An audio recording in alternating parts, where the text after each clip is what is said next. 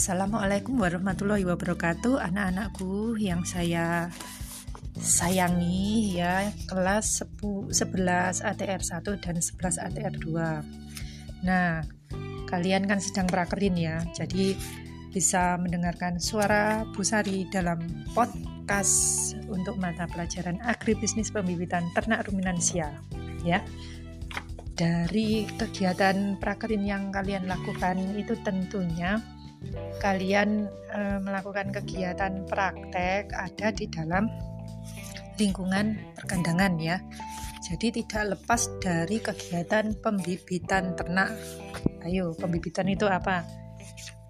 E, silakan kalian e, dengarkan podcast dari uh, mata pelajaran agribisnis pembibitan ternak ruminansia ya.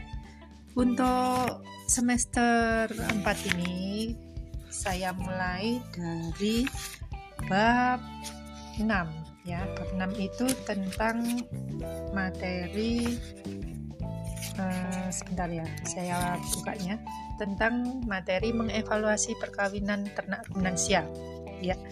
Jadi di perkawinan buatan itu nanti yang akan dipelajari di sini adalah penampilan secara eksterior antara ternak jantan dan betina. Kemudian sedikit tentang organ reproduksi, sudah paham ya organ reproduksi dulu di kelas 10 kan sudah belajar. Kemudian inseminasi buatan rektovaginal, kemudian inseminasi buatan serviks atau dengan metode spekulum. Kemudian yang terakhir adalah evaluasi inseminasi buatan. Nah, kita mulai dari yang pertama. Ya. Untuk pemilihan pejantan dan betina secara eksterior. Maaf batuk. Jadi apa sih ciri eksterior itu anak-anak? Ciri eksterior adalah ciri yang nampak dilihat dari luar. Misalnya warna rambut, ya itu ciri eksterior kemudian tinggi tubuh itu kalau manusia ciri eksterior ya. Pada ternak ciri eksterior itu tentunya berkaitan dengan keadaan tubuhnya ternak ya. Jadi pengamatan dengan eksterior ini berkaitan dengan pemilihan ternak yang baik untuk indukan atau calon pejantan ya. Jadi kalau kita pelihara ternak itu kan tentunya melihat bangsanya ya. Maka ciri eksterior itu juga harus sesuai dengan bangsa ternak. Jadi kalau misalnya sapi perah jenisnya adalah Friesen Holstein, nah itu ada pakemnya, tahu ya pakem pakem untuk warna sapi FH itu ada apa? Nah silakan kamu ingat-ingat ya. Kemudian untuk ini ada kriterianya ya kriteria dalam melakukan seleksi. Nah, ini sebagai contoh yang pertama adalah kesesuaian warna tubuh dengan bangsanya. Contoh, sapi peranaan ungul harus berwarna putih. Sapi Madura harus berwarna coklat. Nah, kalau ada sapi berwarna putih, kamu sebut dengan sapi Madura, itu salah ya. Karena sapi Madura mempunyai ciri khusus, yaitu warnanya secara umum adalah coklat ya. Warna tubuh mencerminkan kesesuaian bangsa. Hal tersebut berkaitan dengan kemurnian dari bangsa sapi potong atau sapi perah yang dipilih. Ya, silakan kamu ingat-ingat. Kemudian hal yang kedua adalah untuk seleksi keserasian bentuk dan ukuran antara kepala, leher, dan tubuh ternak. Kemudian tingkat pertambahan, pertambahan dan pencapaian berat badan ternak pada umur tertentu yang tinggi. Kemudian yang ketiga adalah ukuran minimal tinggi punuk atau gumba pada sapi potong calon bibit indukan atau pejantan mengacu pada standar bibit populasi setempat, regional atau nasional. Kemudian yang keempat, tidak ada cacat tubuh yang dapat menurun, baik yang dominan maupun yang resesif. Yang dominan terjadi pada sapi yang bersangkutan. Yang resesif tidak terjadi di sapi yang bersangkutan, tetapi terjadi pada sapi tetua atau sapi di keturunannya. Ya, jadi jadi cacat tubuh berpotensi menurun ke anaknya, sehingga harus dihindari memilih ternak yang ada cacatnya. Kemudian yang nomor 5, untuk pejantan, sapi umur di atas 18 bulan harus simetris, bentuk dan ukurannya yang sama antara skrotum kanan dan kiri, menggantung dan mempunyai ukuran lingkaran terpanjangnya lebih dari 32 cm ya. Ukuran organ reproduksi yang normal mencerminkan kesuburan ternak pejantan yang digunakan. Selain organ reproduksi, normal juga harus dilihat mengenai tingkat libido ternak tersebut ya. Kemudian yang keenam, kondisi sapi sehat yang ditunjukkan dengan mata yang bersinar, gerakannya lincah tetapi tidak liar dan tidak menunjukkan tanda-tanda kelainan pada organ reproduksi luar serta bebas dari penyakit menular, terutama yang dapat mengganggu usaha pembibitan ternak tersebut anak-anak ya. Itu adalah kriteria seleksi. Kemudian alat reproduksi ternak jantan dan betina. Nah, ini review saja ya. Untuk peranan reproduksi bagi kehidupan adalah meningkatkan populasi ternak. Yang kedua, melestarikan keturunan. Yang ketiga, memperbaiki produksi ternak seperti susu, daging, dan telur. Dan yang keempat, memperbaiki keturunan ternak seperti berat lahir, pertambahan bobot badan, jumlah anak yang dihasilkan, dan sebagainya. Untuk sistem reproduksi ternak jantan itu terdiri dari sepasang testis atau yang disebut gonad, kemudian buah zakar atau kelenjar kelamin utama, kemudian yang kedua saluran reproduksi yang terdiri atas epididymis, vas different, ampula, dan uretra. Yang ketiga, alat kelamin bagian luar yang terdiri atas penis yang dibungkus oleh preputium dan skrotum. Kemudian alat reproduksi primer atau testis. Testis adalah suatu organ yang aktif dan menghasilkan sejumlah besar spermatozoa setiap harinya, ya. Kemudian untuk macam-macam susunan, kemudian alat reproduksi sekunder, itu silakan nanti kamu pelajari sendiri. Bukunya kan sudah saya share ya. Di halaman 108 itu silakan dibaca kalau kalian mempunyai waktu luang di sela-sela praktek kerja lapang ya anak-anak, tetap semangat bekerja di tempat uh, kandang ya, bekerja dengan orang lain, tetap semangat, ambil hikmahnya, ambil pelajarannya. Jangan mudah putus asa ya. Jadikan masalah itu adalah memperkaya pengetahuanmu dan semangat untuk lebih maju ya.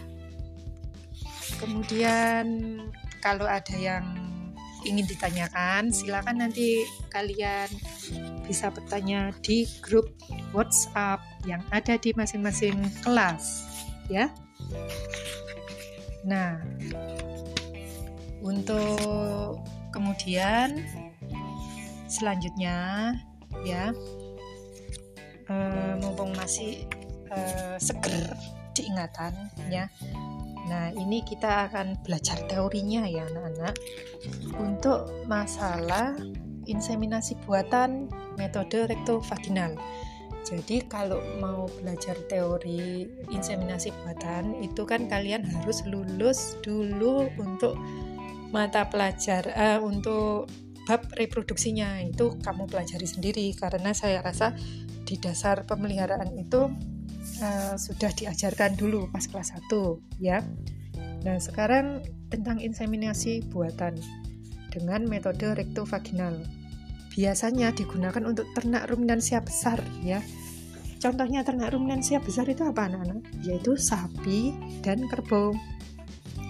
Jadi, inseminasi rektovaginal itu adalah suatu teknik inseminasi dengan mendeposisikan sperma pada bagian mid cervix atau pertengahan cervix atau pada bagian korpus uteri, bahkan lebih dalam lagi, yaitu pada bagian kornua uteri tergantung keadaan ternak dan kemampuan inseminator. Nah, jadi di sini diperlukan keterampilan ya anak-anak.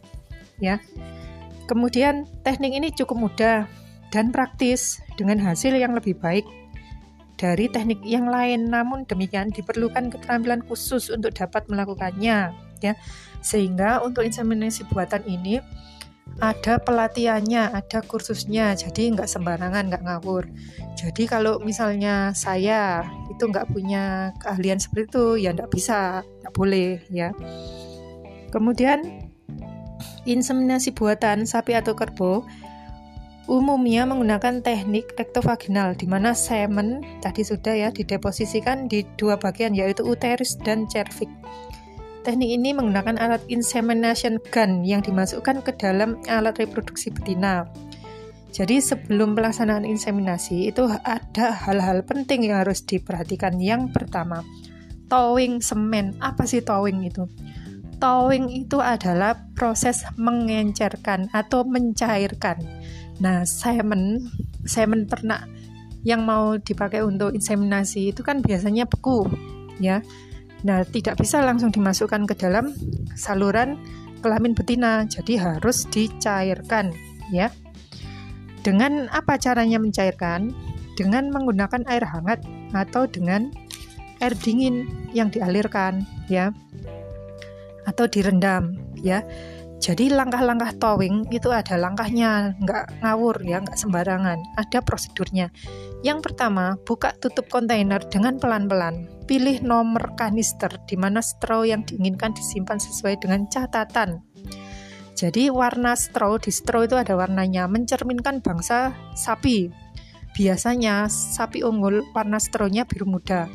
Sapi Madura juga biru muda, sapi Bali merah, sapi perah warnanya abu-abu. Nah, itu nanti uh, kalau ingin tahu pergi ke BPIB ya tanya-tanya di sana. Tentunya kalau kondisi sudah tidak pandemi ya anak-anak.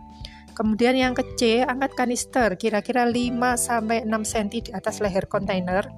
Akan tetapi straw tetap pada batas leher kontainer anak-anak ya. Sebentar. Kemudian Tujuan sampai batas leher itu adalah agar semen beku tidak mengalami perubahan suhu yang mendadak yang menyebabkan banyak kematian spermatozoa ya. Jadi pelan-pelan. Kemudian yang D, tahan kanister beberapa saat, jangan sampai melebihi leher kanister. Sementara diambil straw yang diinginkan dengan menggunakan pinset ya. Jangan tangan kosong ya, pinset. Kemudian E, kembalikan kanister ke dalam nitrogen cair dan tutup kontainer dengan rapat. Jangan sampai ada udara masuk karena dapat menyebabkan perubahan suhu. Yang F, goyangkan straw beberapa saat, 3 atau 4 kali untuk mengurangi pengaruh nitrogen cair dan masukkan ke dalam air dengan suhu 37 untuk proses towing. Diamkan selama 7 sampai 18 detik. Kemudian, masukkan straw yang sudah ditowing ke dalam insemination gun Gunakan semen dalam waktu 20 menit dan tidak boleh dikembalikan lagi ke nitrogen cair karena bila dikembalikan sperma akan mati dan menyebabkan kegagalan inseminasi buatan ya. Kemudian eh, kita menjelaskan yang kedua tentang inseminasi gun. Eh, cara pakainya yang pertama tarik pistolet sekitar 15 cm dan tahan dengan jari manis tangan kiri. Kemudian pegang ujung straw di bagian sumbat pabrik dengan ibu jari dan telunjuk. Kemudian tahan ujung pistolet dengan jari manis. Kemudian tekan ujung straw di bagian sumbat laboratorium.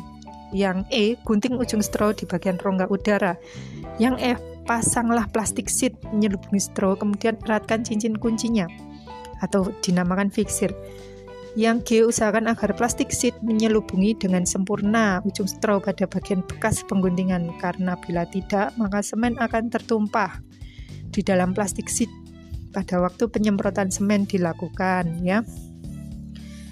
Jadi proses inseminasi buatan itu dilakukan dengan cara palpasi pada rektum dengan tujuan mencari cervix Insemination gun dimasukkan ke vagina dan diarahkan ke cervix ya.